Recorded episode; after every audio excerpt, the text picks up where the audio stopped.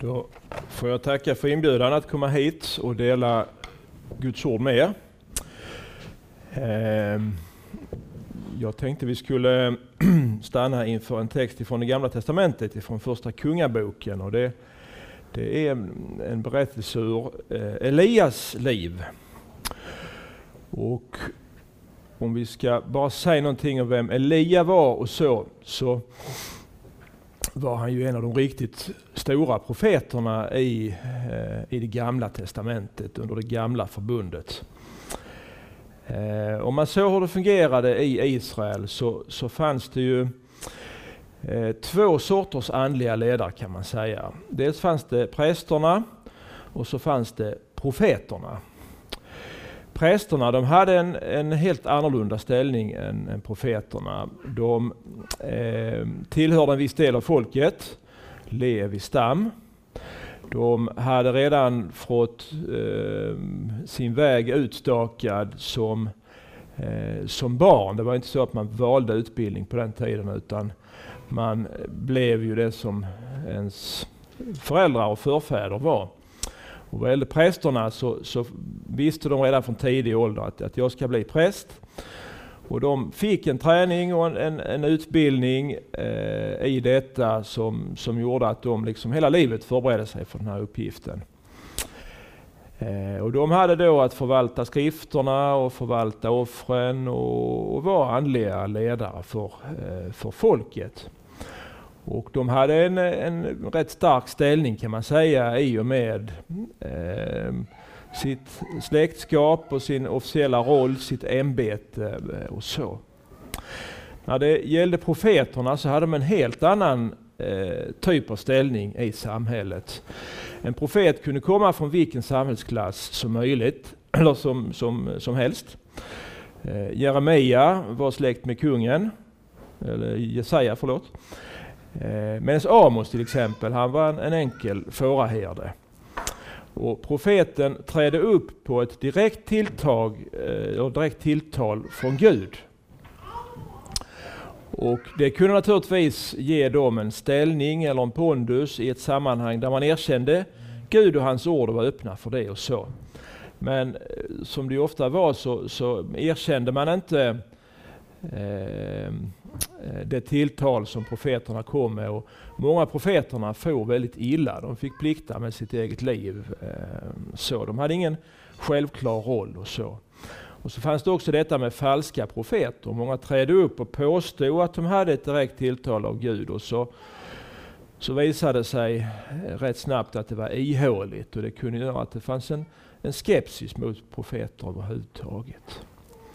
Elia han tillhör den här senare gruppen eh, profeter som liksom trädde upp eh, på ett direkt tilltal av Gud. Vi ska läsa en text ifrån första kungaboken 19, 1-8. Ahab berättade för Isabel allt vad Elia hade gjort och att han hade dödat alla profeterna med svärd.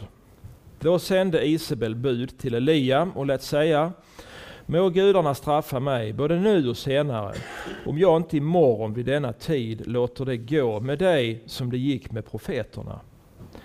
När han fick höra detta steg han upp och flydde för sitt liv. Han kom till Beersheba, som hör till Juda, och där lämnade han kvar sin tjänare. Själv gick han en dagsresa ut i öknen. Där satte han sig under en ginstbuske. Han önskade sig döden och sa nu är det nog, Herre. Ta mitt liv, för jag är inte bättre än alla mina fäder. Elia lade sig ner under ginsbusken och somnade. Men en ängel rörde vid honom och sa till honom, stig upp och ät. Han såg upp och se vid hans huvud fanns ett bröd som var bakat på glödande stenar och en kruka med vatten. Han åt och drack och lade sig ner igen. Men Herrens ängel rörde på nytt vid honom för andra gången och sa Stig upp och ät, ty annars blir vägen för lång för dig. Då steg han upp och åt och drack och gick sedan styrkt av maten i 40 dagar och 40 nätter, ända till Guds berg Horeb. Ja, vi tackar dig för ditt ord. Tack för att du talar, tack för att du undervisar. Tack för att du vill vägleda oss på vår vandring genom livet. Vi ber dig att du kommer här nu. Kom helig Ande. Gör oss öppna för vad du vill säga, för vad du vill, vart du vill leda oss och vad du vill göra med oss. Vi ber i ditt eget namn, Herre Jesus. Amen. Den här berättelsen är ju en liten del av den stora och långa berättelsen om Elia. Och det som har hänt just innan här, det är ju att Elia är då en profet, en känd profet bland folket, eh, som blir kraftigt motarbetad av kungen. Kungen i Nordriket heter Ahab och han har gift sig eh, med Isabel. Isabel var kungadotter från grannlandet i norr, från det som är Libanon idag. Det var Fenicien på den tiden och det, det var ju ett, ett folk som var nästan legendariskt i eh, Medelhavsområdet på den här tiden. Vi, vi, har fortfarande mycket spår efter fenicierna. De var ett enastående sjöfararfolk. Man är rätt säker på att de seglade runt Afrika många, många hundra år före Kristus hela vägen runt om från eh, Röda havet och in i Medelhavet. Eh, de upprättade eh, städer som en del av sitt rike på, på många ställen runt om i Medelhavet och i, i regionen. Och ehm, eh, var handelsmän och blev, blev väldigt förmögna och så. Så det var ett folk med mycket gamla anor, eh, med ett, ett, mycket gott rykte och så. Och det var naturligtvis ett kap för Ahab att få gifta sig med en dotter. För det, det förknippar liksom då Israel eh, med det här mäktiga, anrika riket. Då, va? Men det var inte Guds avsikt att det skulle ske så.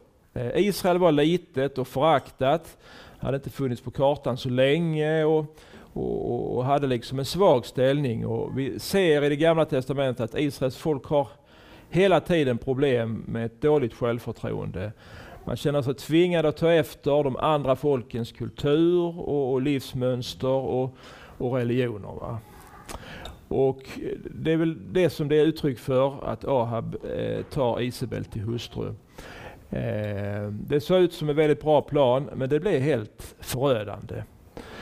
Hon är mycket, mycket starkt förknippad med den religion som var feniciernas. Det var ju balstyrkan. Och hon, hon hade med sig massor med präster, eller höll en massa präster eh, vid hovet som eh, riktade sig mycket starkt mot eh, Israels religion och, och, och tro och, och så. Va?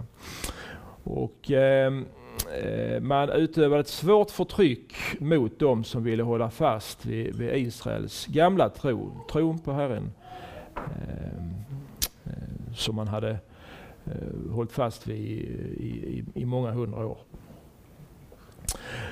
Och så blev det då så att Elia och några ytterligare av, av hans män, de utmanade 400 Baalsprofeter på berget Karmel. Karmel ligger ju i norra Israel, utanför staden Haifa idag. Och där hade de då haft en, en stor eh, sammankomst kan man säga. Och eh, Baalsprofeterna utmanades då av Elia att tända offer åt sin Gud utan att använda eld. Och det lyckades inte väl för dem. Och eh, landet levde i svåra spänningar. Det hade varit torka under mycket lång tid. Och så fanns det de här konflikterna kring tron och inriktningen på, på, eh, på andligheten. Och så kliver Elia fram Eh, och bara med några få ord så kommer det eld från himmelen som tänder fyr på offret och det blir då en, en väldigt stark eh, händelse som, som gör djupt intryck på folk. Och, och, och sen öppnar sig himmelens portar, det börjar regna. De har levt i, i ett par år utan regn och ehm, eh, det blir liksom väldigt tydligt för alla att, att Gud är på Israels sida och på Elias sida. Han är fortfarande mäktig. Eh, den Gud som man hade bjudit in eller tagit in eh, förmådde inte eh, att, att göra det som Gud gjorde. Eh, och så. Och så hade det liksom blivit då en total framgång kan man säga för eh, Elia. Han har levt förföljd, han har bott långt ute i ödemarken vid en bäck som heter Kidron och han har, eh, Gud har kommit med mat till honom. Han har levt i livsfara under lång tid. Och sen plötsligt händer då detta att han eh, hans ställning inför folket och inför kungen och inför alla blir liksom bekräftad. Och eh, eh, på grund av regnet så får folk fly från trakten där för att inte fastna med sina vagnar och så. Och man kan tänka att nu så har det verkligen vänt. Nu så kan Elias slappna av, det är inte samma hot över honom. Han kan börja eh, bygga utifrån den grunden som nu är lagd och kanske återerövra folket och att templet kan byggas upp och, och allting som, som då har gått fel innan. Gud hade visat sin makt.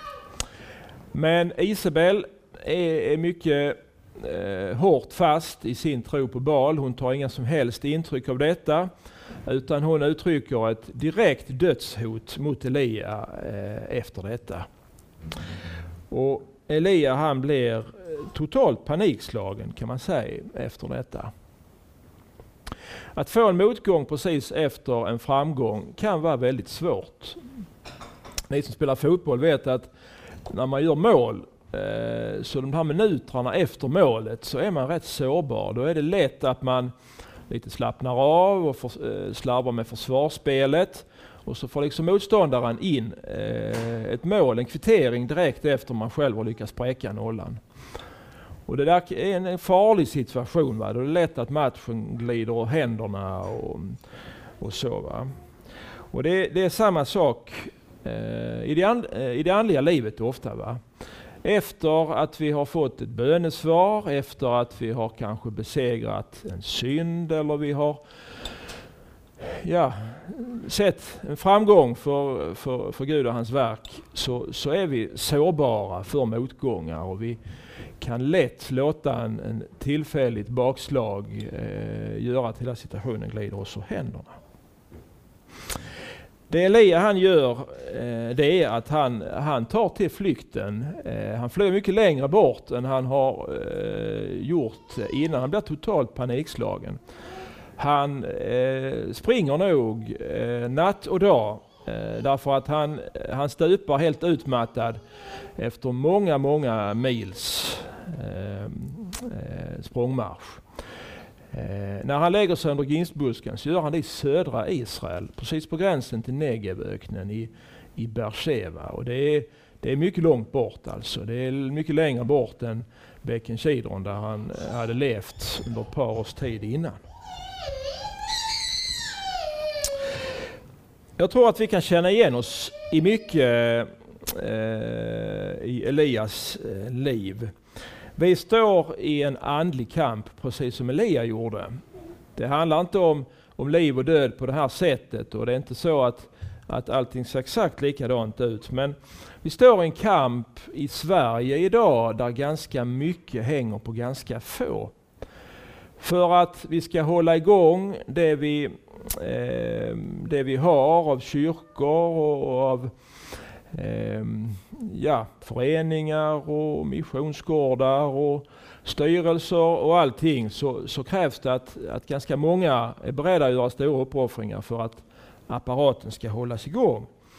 Och så kan man känna att eh, det är ganska stor press som vilar på mig och på våra axlar tillsammans. Vi befinner oss i en del av kristenheten som är på retur. Vi behöver nå ut och nå framgång och vinna ny mark för att vi liksom inte ska, eh, ska tappa fästet helt. Va? Och så är det då lätt att man blir eh, pessimistisk, att man blir trött. Många kristna är utarbetade. En del av oss riskerar att, att bli utbrända faktiskt. Eh, det är så mycket som, som hänger på den enskilde. Det är så mycket som hänger på mig och på det jag ska göra och så. Att tänka och känna så här, det är, det är ingen synd. Det är inte någonting som vi liksom eh, måste kämpa emot med alla medel. Jesus han blev väldigt hårt pressad. Ni vet i Getsemane är han liksom pressad till det yttersta. Han svettas blod. Och då, då ber han till sin far, Herre om det är möjligt så låt den här kalken gå ifrån mig.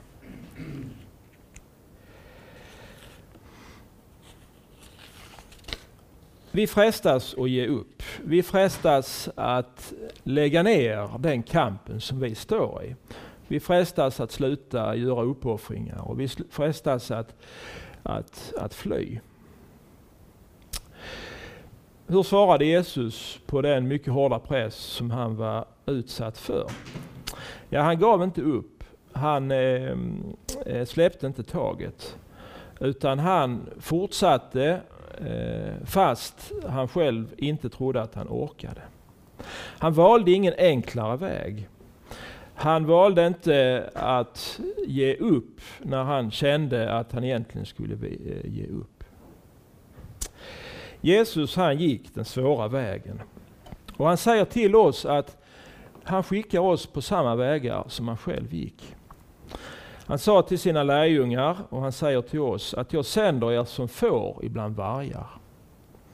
Det är inte normalt att vi lever ett enkelt kristenliv där, där vi liksom bara väljer att göra det som vi tycker är roligt och, och går ganska lätt. Utan Gud han leder oss på en väg som inte alltid är rolig. En väg som är rätt jobbig och en väg som kanske till och med kan kännas som att vi blir knäckta. Vi kan frestas och då säga att Gud han är en tyrann som leder folk in i fördärvet. Att han eh, knäcker människor. Det gjorde inte Jesus. Han visste hela tiden att fast Gud leder på svåra vägar, fast Gud han väntar sig väldigt mycket av sina vänner, så gör han inte det därför att han är kärlekslös eller för att han är okänslig eller för att han, han eh, på något sätt har någon annan eh, moralisk eh, defekt i sin karaktär. Utan Gud han leder genom svårigheter. Det har han gjort i alla tider och med allt sitt folk. Det gjorde han med Elia och det gjorde han med sin egen son Jesus och det, det gör han faktiskt också idag. Herren väntar sig mycket av sina vänner. Det fick Elia erfara och det ska vi också vänta oss. Det andra vi ska säga det är att vi missar lätt det Gud han ger för att vi ska orka och överleva.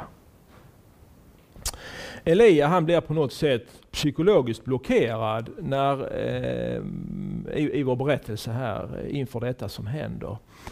Han har levt under press så väldigt lång tid och, och, trots att han har fått den största uppmuntran som man nästan kan tänka sig. Va? Det är ju något helt otroligt det som har hänt på Karmel. Så, så, så blir han mer knäckt än han någonsin har varit i hela sitt liv när drottningen hotar att, att mörda honom. Han springer som ett jagat villebråd. Han äter inte och han sover inte. Rimligtvis har det tagit flera dagar att, att springa ner till Beersheba. Det är ju ganska varmt dessutom i de trakterna ofta. Va?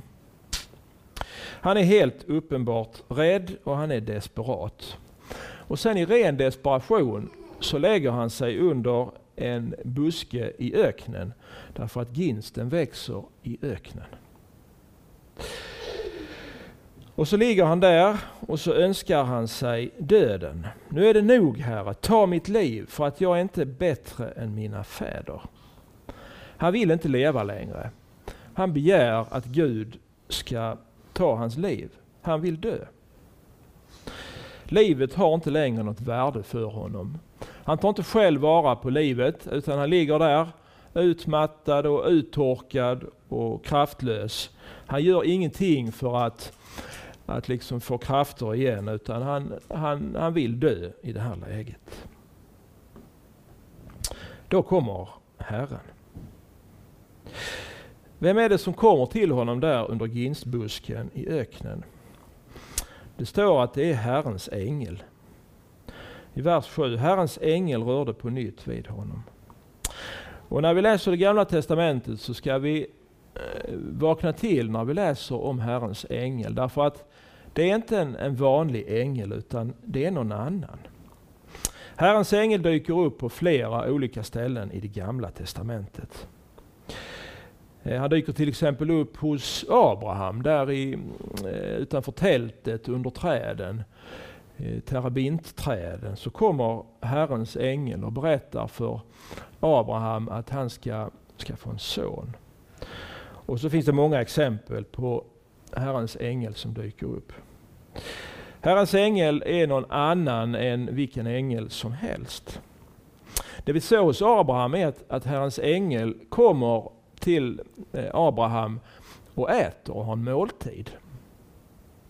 Och vi läser i vår text idag att Herrens ängel rör vid eh, Elia. Det är alltså inte ett andligt väsen. Det är inte en, en, eh, någon som kommer till eh, de här personerna i en dröm, utan de kommer verkligen i det konkreta eh, livet som fysiska personer. Vem är det som gör detta? Ja, Herrens ängel har mycket starka likheter med Jesus. Var fanns Jesus innan han blev människa? Jo, han fanns ju hos sin far i himmelen. Och ibland dyker han upp på ett märkligt sätt i det gamla testamentet, precis som Jesus gjorde under sitt liv. Som en människa som äter och dricker och har en kropp och, och kan ta på saker så att, att man känner det och, och så. Det är Jesus som kommer till Elia där under ginstbusken.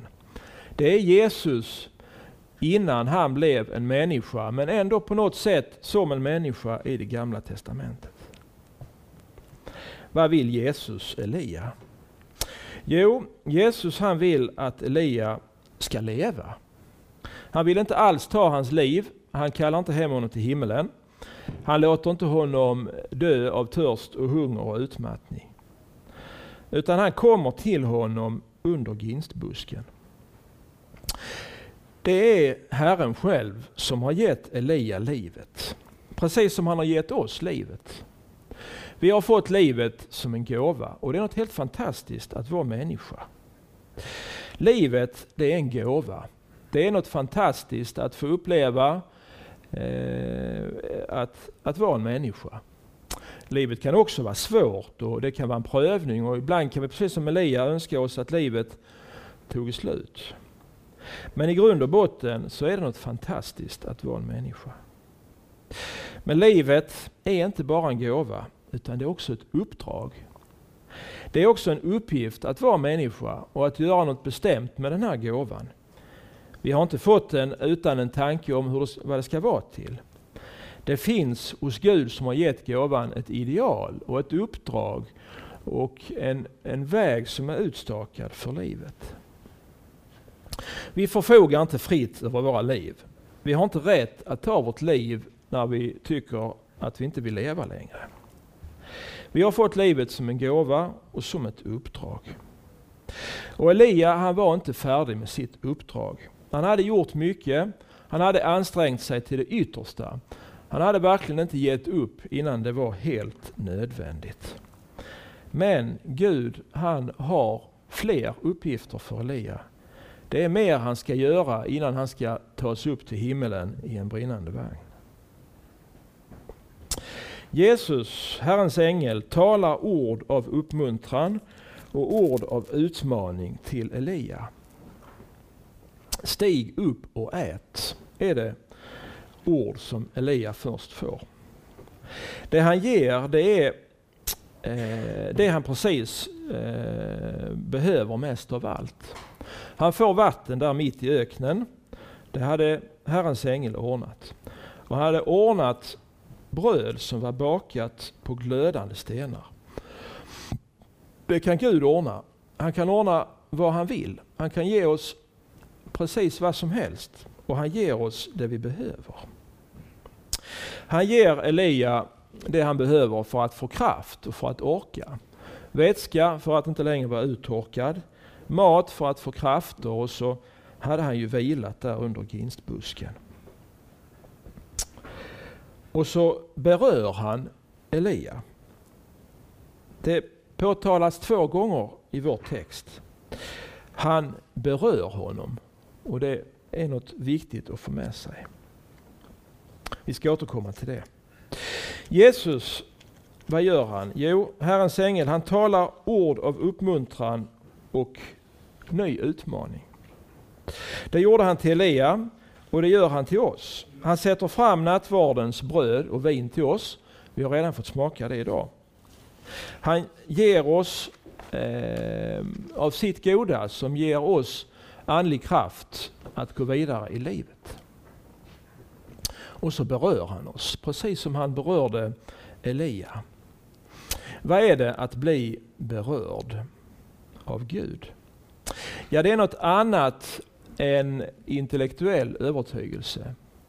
Elia han visste mycket väl vem Gud var. Han hade inte gett några uttryck på tvivel, eller för tvivel alls.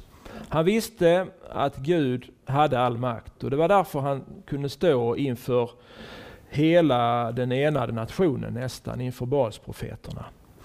Han var helt trygg i sin tro. Han visste att Gud har all makt och att får jag vara med honom så, så är jag trygg.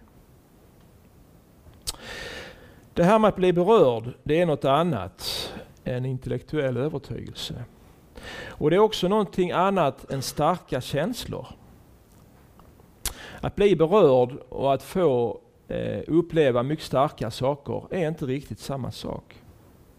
De starka känslorna kommer i texten precis efter den vi läser. De kommer på berget Horeb och det är samma sak som berget Sinai. Där ska Elia få möta Gud på ett, ett mycket, mycket kraftfullt sätt. Där Gud kommer till honom eh, på ett sätt så han nästan tror att han ska gå under. Där kom de starka känslorna. Det som kommer här är beröringen. På något sätt så har Elia eh, mitt i sin hängivenhet och, och mitt i sin trogenhet förblivit oberörd. Han har på något sätt levt i en ostkupa. Han har isolerats i sig själv och därför har han inte förmått att ta till sig det som Gud ville ge honom. Vi vill bli berörda och vi behöver bli eh, berörda. Vi behöver bli berörda av Gud så att vi förstår vad Gud, hur han älskar oss, hur han vill ge oss det vi behöver. Så att vi kan ta till oss det vi behöver. För det är faktiskt möjligt att leva ett kristenliv men ändå glömma allt detta som Gud vill ge oss och som vi måste ha för att överleva. Vi kan glömma att äta och dricka fast vi lever ett mycket välsignat liv. Att bli berörd, att förstå att det här är på riktigt, att detta är för mig och att detta är någonting helt oerhört. Det fick Elia bli i den här stunden. Och då får han ny kraft. Då kan han på något sätt se tillvaron realistiskt. Då kan han gå vidare i sin uppgift. Då kan han bryta det här andliga svälttillståndet som han lever och det fysiska svälttillståndet som han lever i. Den här beröringen den sker ofta med den trötte kämpen. Den sker ofta i en situation eh, där situationen är desperat. I svår ångest eller i, i depressionens stund eller i den mycket svåra stunden på andra sätt. Så var det för Elia. Han fick den här beröringen i en situation eh, där Gud redan hade visat mycket av sin makt och, och sin kraft och, och, sin förmåga. Men i beröringen så förstår Elia att det här är för mig. Det här är någonting som jag får ta emot och som jag måste leva av för att kunna gå vidare. Vi kan jämföra med, med Jakob. Jakob befann sig också i en situation i livet, i en situation där, där hela hans liv och hela hans familj var hotad. Eh, och jag tänker på när Jakob kommer tillbaks ifrån sin eh, eh, morbror Laban och så har han hela sin familj och all sin förmögenhet och så får han höra att hans bror är på väg emot honom med med en massa eh, stridsklädda män eh, och så. Va? Och han förstår att han har inte en chans i det här läget. Eh, allting talar för att, att han ska bli eh, utplånad tillsammans med sin, eh, hela sin familj och så. Och så på natten där så kommer Herrens ängel till honom. Här kommer han tillbaka. Och så brottas han med eh, Jakob. Och man kan säga att Jakob eh, blir ju väldigt starkt berörd. Va? Han blir berörd på ett sätt som du och jag inte skulle vilja bli. Han får ett slag mot sin höft så att han antingen bryter han den eller så slår han den ur led och han får men för hela livet. Va? Men för honom blir denna mycket våldsamma beröring också en vändpunkt i livet. Där han förstår att, att Gud handlar med honom, han utrustar honom och han har inte en chans att göra någonting annat än att vara sin Herre trogen. Beröring i en svår situation i livet där plötsligt poletten trillar ner. Där plötsligt livet får en ny inriktning. Där egentligen det enda Gud gör det är att lägga handen på och så förstår Jakob förstår sammanhangen. Han förstår att han inte behöver vara rädd. Han förstår att han måste försonas med sin bror. Elia förstår just det, jag måste ju äta och dricka, annars går inte detta. Va? Det är Guds beröring. Det tredje vi ska säga är att Gud han söker oss och han sätter fram det vi behöver för vandringen. Det är lätt att vi tänker om oss själva att vi är hänvisade till oss själva. Den kunskap som vi måste ha för att leva, den kan vi själv tänka ut. Och, och det vi eh, liksom har att, att räkna med och så, det är det vi kan åstadkomma själva genom flit och uppoffringar och samarbete.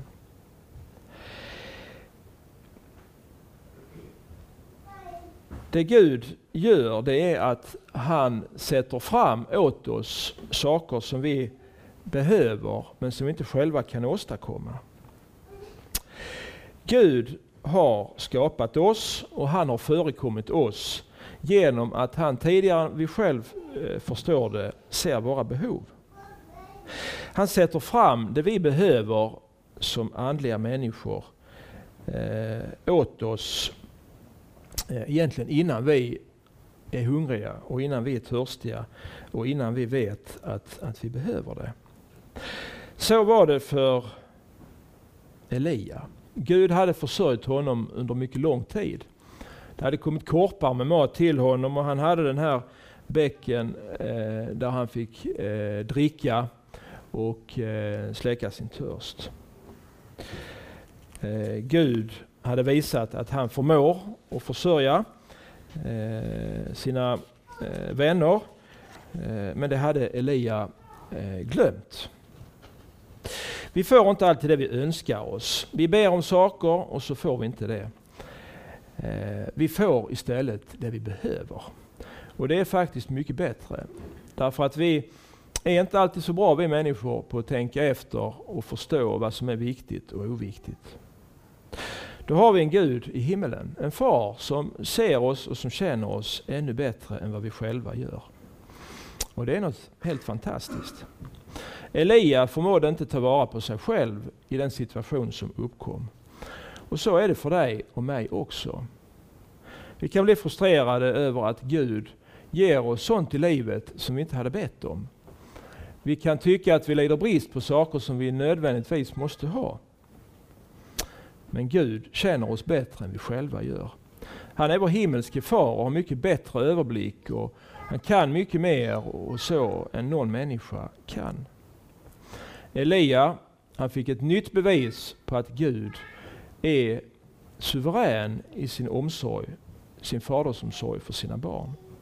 Elia fick se sin egen oförmåga att sörja för sig själv och han fick se Guds kärlek och Guds välvilja och Guds förmåga att ta hand om en människa. Så är det för oss idag. Gud sätter fram för oss att äta. Nattvardens bröd och vin, gemenskapen bland Guds folk, sitt eget ord och mycket annat, det vi kallar nådemedel och alla Guds goda gåvor. Han sätter fram frukten av Jesus försonande död och hans livgivande uppståndelse. Det är inget som vi frågar efter alltid. Det är inget som vi kanske går och längtar efter. Men det är ju på något sätt det som är helhetslösningen. Det är det som är det yttersta som vi behöver i tillvaron.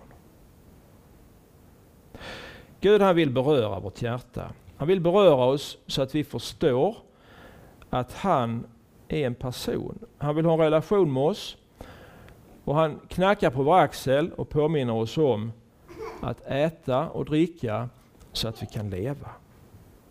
Han är den här gode föräldern som utan att tjata förmår att med en mild hand lotsa oss rätta vägen genom livet. Vi får vara uppmärksamma på Guds eh, goda hand i våra liv. Han finns där, han ger mycket mer än vad vi själva ser och förstår. Han ger oss sånt vi inte frågar efter och han ger oss det som vi behöver för att eh, klara vandringen. Vi ber. Herre, vi tackar dig för att du är en sån god far. Herre, vi tackar dig för att du tog hand om Elia när han blev desperat. När han spårade ur helt och, och var på väg att dö där i öknen i utmattning och hunger och törst. Vi tackar dig för att du är en förälder som letar efter sina barn. Vi tackar dig för att du, du har överblick och, och för att du, att du vill beröra oss. Vi tackar dig för att du eh, har gjort så mycket i våra liv. Och vi tackar dig för att du har lovat att fortsätta. Du har lovat att vara med oss alla dagar in till tidens slut. Herre, nu riktar vi oss framåt mot fastetid och påsk och annat. Herre, vi kan lätt förstå att livet är på många sätt en kamp. Livet kan vara oerhört svårt. Du kan leda människor genom oerhörda svårigheter. Herre, låt ingen av oss då glömma att du är vår gode himmelske far. Du är den som förstår och vill väl mer än vi själva eh, någonsin kan förstå. Herre, vi ber om en förnyad insikt och en ny blick på ditt verk. Hjälp oss att se det oerhörda i att du har blivit människa, att du har lidit och dött och att du har uppstått. Herre, du ger oss sånt som, som vi först inte förstår värdet av. Då ber vi att du ska beröra oss så att det, det kan komma ända in till hjärtat och så att vi liksom kan dra nytta av allt det goda som du ger oss. Vi ber att du ska beröra oss här. Ja, vi lägger oss helt i dina händer. Vi lägger oss själva, vi lägger varandra. Alla vi som är dina syskon.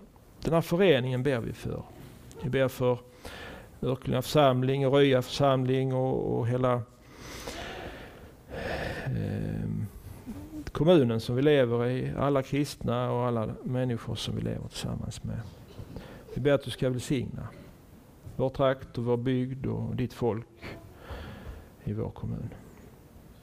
Vi ber för ELM. Vi ber för alla de som eh, gör stora offer i form av eh, tid och, och eh, tid och pengar. Eh, vi ber att du ska välsigna alla som, som eh, går i ditt uppdrag.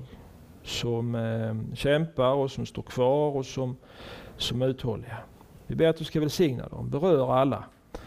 Så att din kärlek når till deras hjärtan. Vi lägger den veckan som nu är framför oss i dina händer. Vi ber att du ska välsigna oss alla var och en. På våra arbetsplatser, i våra hem och, och i våra relationer.